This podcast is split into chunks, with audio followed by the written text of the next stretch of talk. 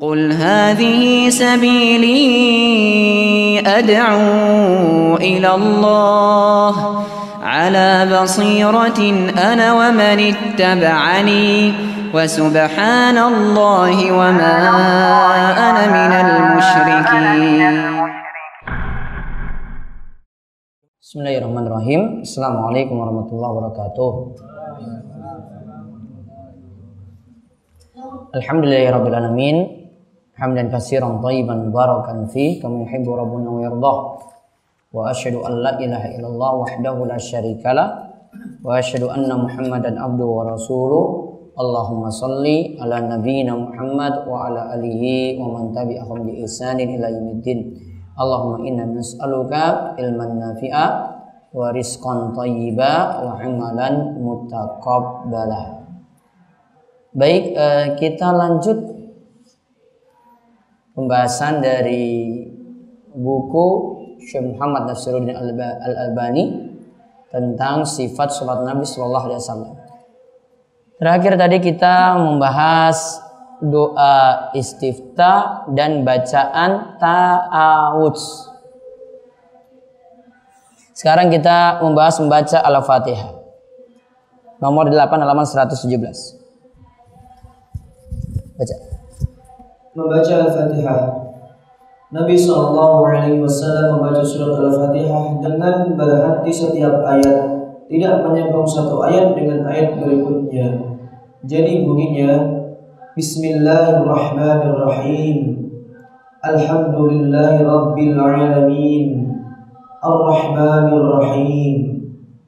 Begitulah seterusnya sampai selesai.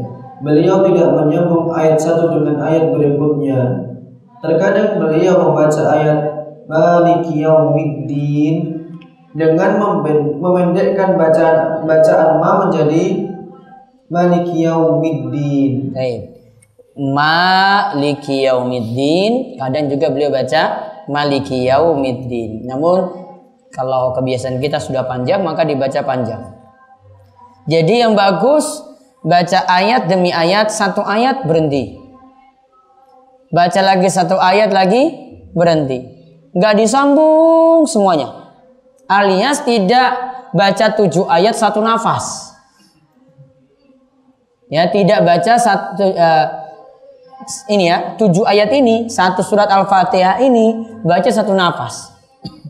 Jadi sambung Bismillahirrahmanirrahim Alhamdulillahirrahmanirrahim Atau dia Bismillahirrahmanirrahim Alhamdulillahirrahmanirrahim alamin Disambung. Baiknya satu ayat baca berhenti. Satu ayat baca berhenti. Satu ayat baca lagi berhenti. Nah kemudian nomor 9 Al-Fatihah sebagai rukun dan keutamaannya. Surat ini dipandang agung. Oleh karena itu Nabi Shallallahu Alaihi Wasallam pernah bersabda tidak sah sholat seseorang jika tidak membaca Al-Fatihah. Dalam hadis lain disebutkan tidaklah cukup sholat seseorang bila dia tidak membaca Al-Fatihah dalam sholatnya. Beliau juga menyatakan orang yang sholat tanpa membaca Al-Fatihah sholatnya buntung Sholatnya buntung, sholatnya buntung, tidak sempurna. Nah lihat, ini jadi dalil kesimpulannya membaca Al-Fatihah bagian dari rukun sholat. Membaca Al-Fatihah bagian dari rukun sholat. Karena dalam hadis sebutkan la sholat liman lam yakra bifati fiha bifatihatil kitab. Tidak sah sholat seorang jika tidak membaca Al-Fatihah. Ada juga tidaklah cukup. Ada juga dengan kalimat yang tidak baca sholatnya buntung. Sampai Nabi SAW ulangi tiga kali. Sholatnya buntung, sholatnya buntung. Alias tidak sempurna. Namun di sini khidaun gairu tamamin para ulama nanti mentakwilnya jika menyatakan bahwasanya yang dimaksud nantinya tidak sah. Yang dimaksudkan dimaksudkan nantinya di sini adalah tidak sah. Nah, tentang pemahaman ini Nah, ini nanti perlu digabungkan dengan bahasan selanjutnya. Apakah nanti untuk makmum itu baca lagi Al-Fatihah? Ini butuh pembahasan atau penggabungan dengan dalil lain. Baca lagi sabdanya pula. Sabdanya pula, Allah Maha Suci dan Maha Tinggi berfirman, Aku telah membagi Al-Fatihah menjadi dua bagian, untukku dan untuk hambaku. Separuh untukku dan separuh untuk hambaku, dan hambaku akan mendapatkan bagian dari permohonan yang diucapkannya. Rasulullah Wasallam bersabda, bacalah bila hamba membaca Alhamdulillahi Rabbil Alamin, Allah Taala menyahut hambaku memujiku.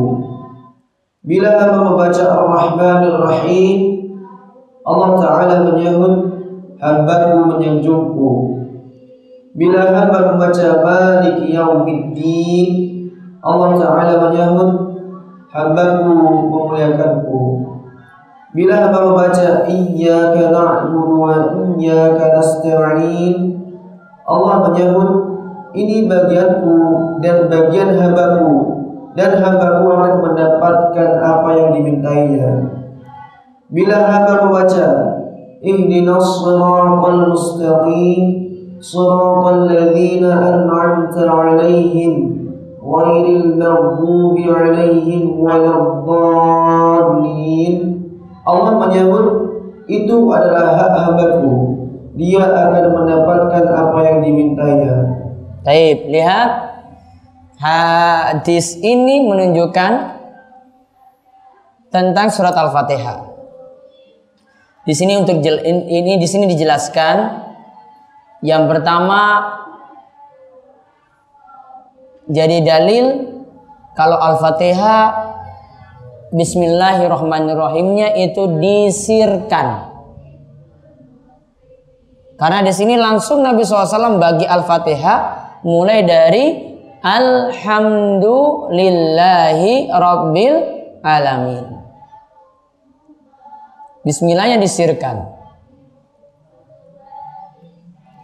Kemudian Al-Fatihah dibagi jadi dua. Separuhnya untuk Allah, separuhnya untuk hamba. Dibaginya pas di mana? Dibagi dua pas di mana? Iya karena abudu wa iyyaka nasta'in. Iyyaka na'budu itu untuk Allah, iyyaka nasta'in untuk hamba. Kemudian kalau kita lihat di sini ada bagian-bagian pujian untuk Allah. Mulai dari kalimat Alhamdulillahirrabbilalamin sampai iya kana budu. Kemudian setelah itu permintaan doa dari hamba. Wa iya kanastain sampai ihdinas siratal mustaqim siratal ladina an'amta alaihim ghairil maghdubi alaihim walad dalin. Ini permintaan ham, hamba. Coba baca lagi. Nabi Shallallahu Alaihi Wasallam bersabda, Allah Azza wa Jalla tidak pernah menurunkan ayat seperti surat Al-Fatihah pada Taurat dan Injil. Surat Al-Fatihah adalah tujuh ayat yang selalu dibaca berulang kali dan bacaan agung yang diberikan kepadaku. Terus dalam kisahnya, dalam kisah orang yang sholatnya salah, Rasulullah SAW telah menyuruhnya untuk membaca Al-Fatihah ini dalam sholatnya. Kepada orang yang tidak menghafalnya beliau bersabda, Ucapkanlah Maha suci, Maha suci Allah, segala puji milik Allah, tidak ada Tuhan kecuali Allah, Allah Maha Besar, tidak ada daya dan kekuatan kecuali karena pertolongan Allah. Kepada orang yang sholatnya salah pada kisah di atas, beliau Shallallahu Alaihi Wasallam bersabda, jika kamu hafal satu ayat Al-Quran, bacalah ayat itu. Jika tidak, bacalah tahmid, takbir, dan tahlil. Taib. Lihat Nabi SAW pernah bersabda Allah tidak pernah menurunkan ayat seperti surat Al-Fatihah pada Taurat, pada Injil. Surat Al-Fatihah adalah tujuh ayat yang selalu dibaca berulang kali. Dan ini bacaan yang paling agung. Karena cuma ada dalam kitab suci kita. Di dalam Al-Quran. Tidak ada pada Taurat, tidak ada pada Injil. Lalu Nabi ajarkan kalau ada andai diberitakan di sini ini untuk yang tidak bisa membaca al-fatihah alias tidak menghafalnya. Misalnya baru masuk Islam. Kalau disuruh baca zikir ini lebih mudah. Yaitu baca subhanallah walhamdulillah wala ilaha illallah wallahu akbar wala haula wala quwata illa billah. Ini untuk mengganti bacaan Al-Fatihah bagi yang tidak apa. Atau yang Rasul katakan bacalah fahmadillah wa kabbirhu wa halilhu. Bacalah tahmid, takbir dan juga tahlil. Yaitu bacalah alhamdulillah, bacalah Allahu akbar, baca juga la ilaha illallah. Andai ada yang tidak bisa membaca Al-Fatihah, bisa diganti dengan bacaan zikir semacam ini. Artinya di sini Al-Fatihah rukun memang, namun kadang ada orang yang dalam keadaan darurat tidak bisa menghafal Al-Fatihah. Maka ada pengganti. Ya, ada pengganti yaitu dia cukup membaca zikir semacam tadi. Nah, sekarang lihat bacaan makmum. Nomor 10. Bacaan makmum. Satu. Bila imam membaca dengan keras, makmum tidak membaca. Pada awalnya makmum diperbolehkan membaca Al-Fatihah di belakang imam pada sholat-sholat jahr atau suara keras. Akan tetapi pernah terjadi pada waktu sholat subuh, Rasulullah Shallallahu Alaihi Wasallam merasa terganggu oleh bacaan salah seorang makmum. Setelah sholat beliau bertanya, benarkah kalian tadi turut membaca bersama imam? Kami menjawab, ya, tetapi dengan cepat wahai Rasulullah. Beliau bersabda, kalian tidak boleh melakukannya kecuali membaca Al-Fatihah karena tidak sempurna sholat seseorang yang tidak membacanya dalam sholatnya. Terus. Selanjutnya, Rasulullah Shallallahu Alaihi Wasallam melarang makmum membaca semua bacaan Al-Quran dalam sholat jahr atau sholat yang imam membaca dengan suara keras. Peristiwa ini terjadi ketika Rasulullah Shallallahu Alaihi Wasallam selesai sholat jahr yang mana imam membaca Al-Quran dengan suara keras dan dalam suatu riwayat disebutkan bahwa peristiwa ini terjadi dalam sholat subuh. Mengenai kejadian ini beliau Shallallahu Alaihi Wasallam bersabda, Adakah seseorang di antara kalian tadi membaca Al-Quran bersamaan dengan aku membaca? Seseorang menjawab, Ya saya wahai Rasulullah. Sabdanya, Aku katakan kepadamu, mengapa aku diganggu sehingga bacaanku terganggu? Abu Hurairah berkata, kemudian para sahabat berhenti membaca Al-Quran bersama Rasulullah Sallallahu Alaihi Wasallam. Bila Rasulullah Sallallahu Alaihi Wasallam membacanya dengan suara keras dan bacaan itu mereka dengar dan mereka dan mereka membaca sendiri tanpa suara bila tanpa suara bila imam tidak mengeraskan bacaannya. Baik. Kesimpulannya bagaimana? Makmum baca enggak? Tidak. Ya, kesimpulannya bagaimana dari dua riwayat ini? Mau membaca surat Al-Fatihah lagi atau tidak? Tidak. Awalnya dulu dibolehkan cuma surat Al-Fatihah saja. Kata Syekh Al-Albani, setelah itu datang riwayat yang menyatakan tidak boleh baca sama sekali. Ya, tidak boleh baca sama sekali. Jadi apa yang beliau katakan dalam judul, bila imam membaca dengan keras yaitu salat jahriyah, maka makmum tidak membaca. Artinya apa yang dibaca imam itu sudah jadi bacaan untuk makmum. Terus yang kedua, Diamnya makmum untuk mendengarkan merupakan kesempurnaan bermakmum. Nabi Shallallahu Alaihi Wasallam bersabda, imam dijadikan sebagai anugerah makmum. Jika ia bertakbir, bertakbirlah kalian, dan jika ia membaca, diamlah kalian. Nah, kalimat diam menunjukkan makmum tidak perlu baca. Kalimat diam, fa iza qara'a wa iza qara'a fa ansitu. Jika imam itu baca, makmum diam. Artinya disuruh diam juga ketika baca Al-Fatihah dan dia tidak perlu mengulangi Al-Fatihah. Jadi itu maksudnya ngikuti imam. Imam diikuti seperti itu. Terus. Jadi mendengarkan bacaan imam menjadi menjadikan makmum tidak perlu membacanya lagi sebagaimana sabdanya Barang siapa sholat mengikuti imam, maka bacaan imam telah menjadi bacaannya juga. Mangkana lahu imamun fakiraatul imami kiraatun lahu. Fakiraatul imami lahu kiraah. Mangkana lahu imam. Siapa yang punya imam, maka bacaan imam itu sudah jadi bacaan untuk makmum. Ini kata beliau, beliau bercatatan di bawah, bercatatan di bawah. Hal ini berlaku dalam sholat jahr. Ya, berlaku dalam sholat jahar. Rincian yang ketiga. Wajib membaca Al-Fatihah dalam sholat sir atau sholat yang membaca tanpa suara. Jangan sholat apa? Zuhur, terus asar sama maghrib dan isya di rokat 3 dan 4. Iya dah? Nah, terus Dalam sholat sir, makmum wajib membaca Al-Fatihah sendiri.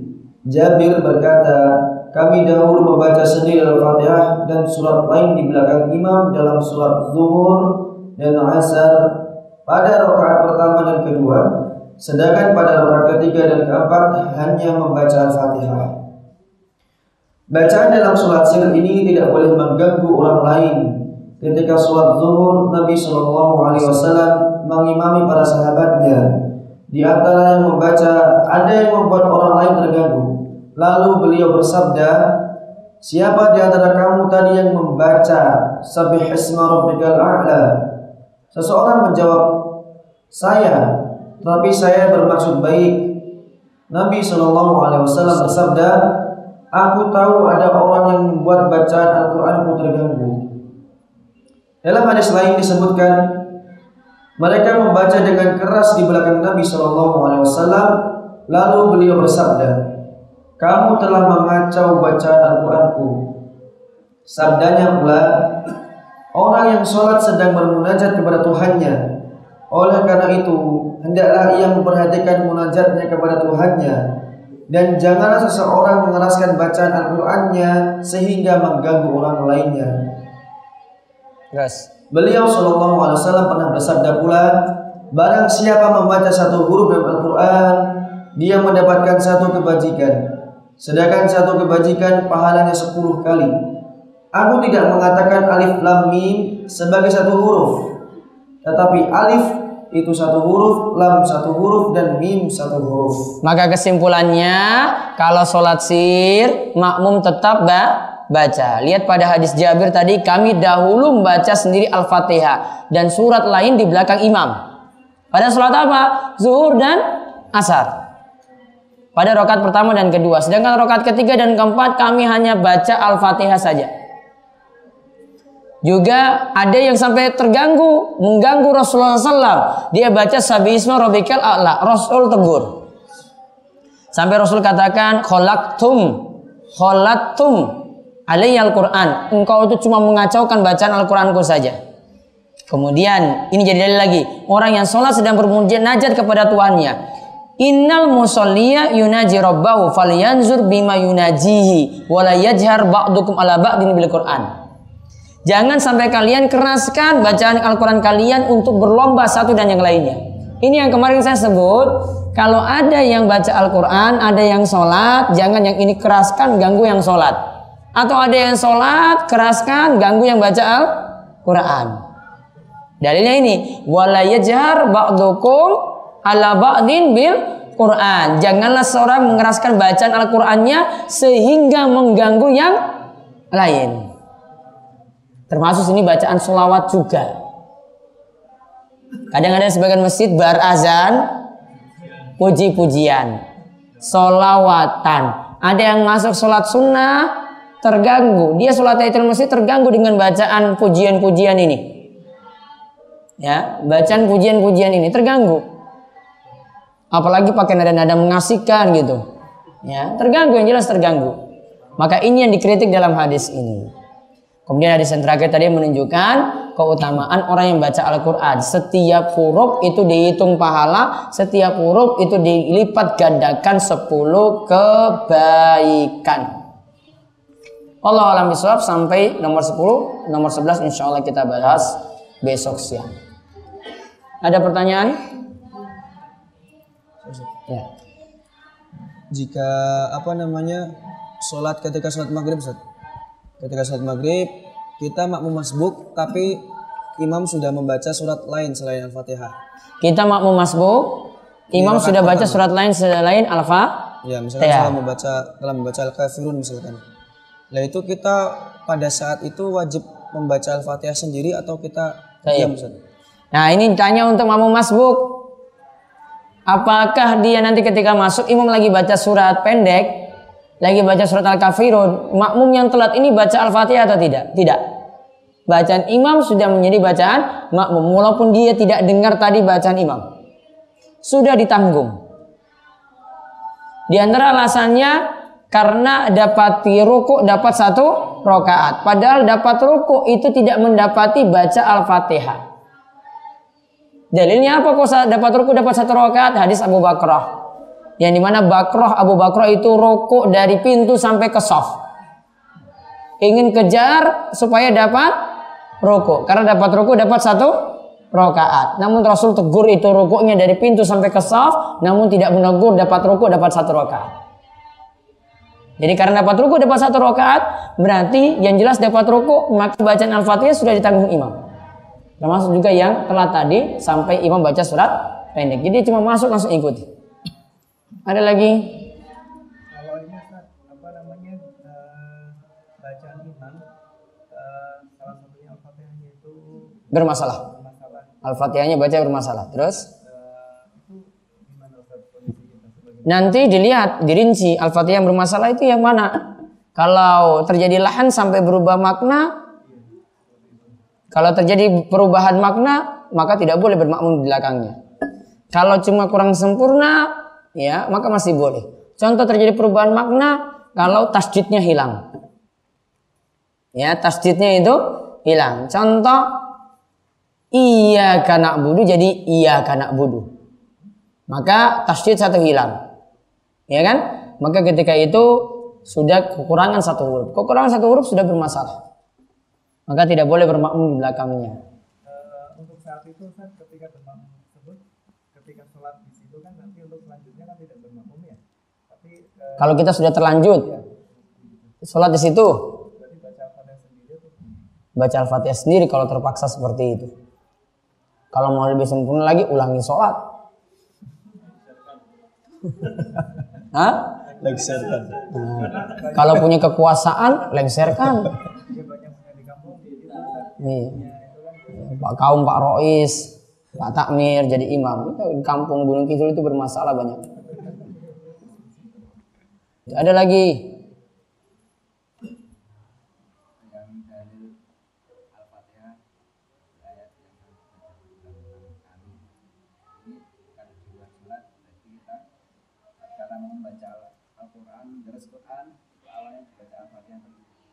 Tidak. Dalil itu tidak menjadi dalil tadi Al-Fatihah itu terdiri dari tujuh ayat yang terus dibaca ulang. Ini bukan jadi dalil setiap memulai membaca Al-Quran itu harus mulai dari Al-Fatihah. Kita baca Al-Fatihah dulu bareng-bareng, kemudian langsung masuk surat. Tidak. Ta'awud saja, langsung masuk surat. Tidak mesti diawali dengan Al-Fatihah. Jadi ada beberapa yang tidak perlu dengan surat Al-Fatihah. Satu, yang tadi disebut sedikit-sedikit atau bukan sedikit-sedikit. Selalu baca Al-Quran baca Al-Fatihah dulu baru masuk surat. Tidak perlu. Dua baca doa terus ditutup dengan Al-Fatihah tidak perlu. Tiga mau kirim doa pada orang mati ayo Al-Fatihah tidak perlu. Pokoknya apa-apa Al-Fatihah Al-Fatihah Al-Fatihah terus. Nah ini kadang bermasalah. Ya jadi menyederhanakan ibadah itu lebih baik daripada kita nambah-nambahin ibadah. Ada lagi?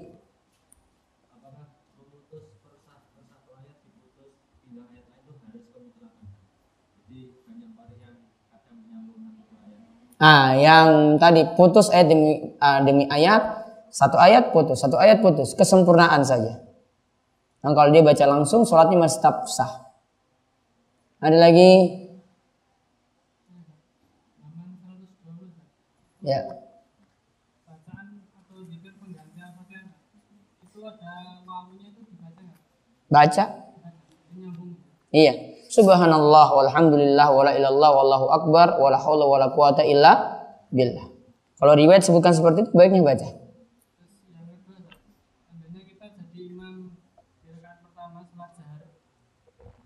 yang kedua, seandainya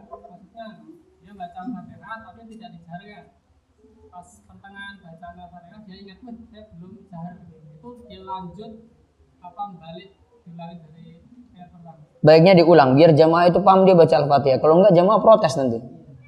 Dia bilang subhanallah, kok bisa langsung masuk al-ikhlas? Ya kan itu maksudnya? Nah, baiknya dia ulang. Terus.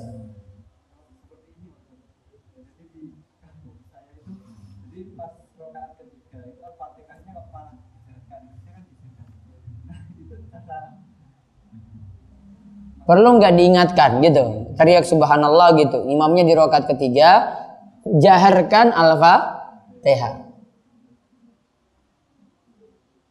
Mau negur nggak masalah, namun nggak ditegur juga nggak apa-apa. Karena sunnah di situ. Ya, kalau dia tambah jaharkan, mudah-mudahan nanti ada dalilnya di sini. Boleh menjaharkan suatu waktu.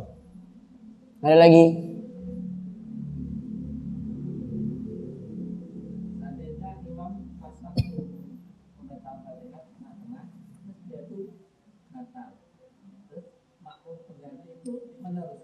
Atau kamu ulangi dari awal?